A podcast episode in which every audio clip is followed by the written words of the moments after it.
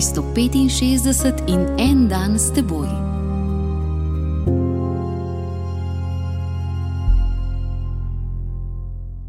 Iz tretje Mojzesove knjige, 13. poglavje, 45. in 46. vrstica.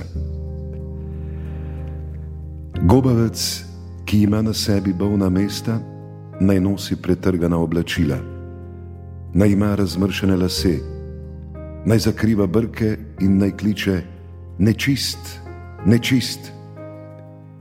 Vse dni, dokler je bolan, naj prebiva ločeno.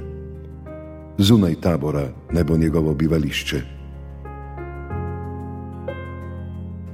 Pred Jezusom za nalezljivo in nevarno bolne ni bilo sočutja.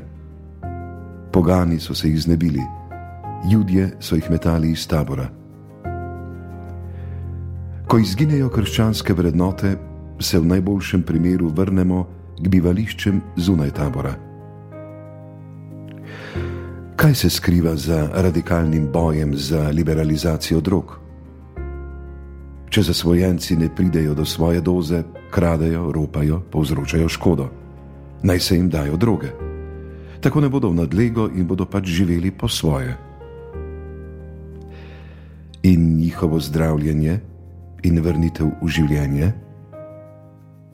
Zato bodo poskrbeli, če že hočejo oni krščanski pobožnjakari, ki obsojajo droge.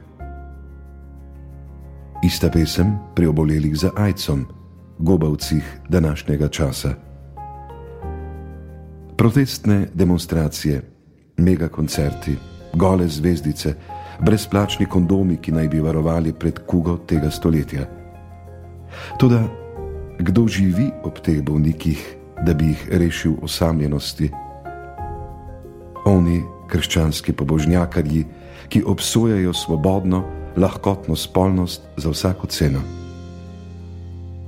Brez Jezusa za gobavce veliko besed, prostora v taboru pa nobenega.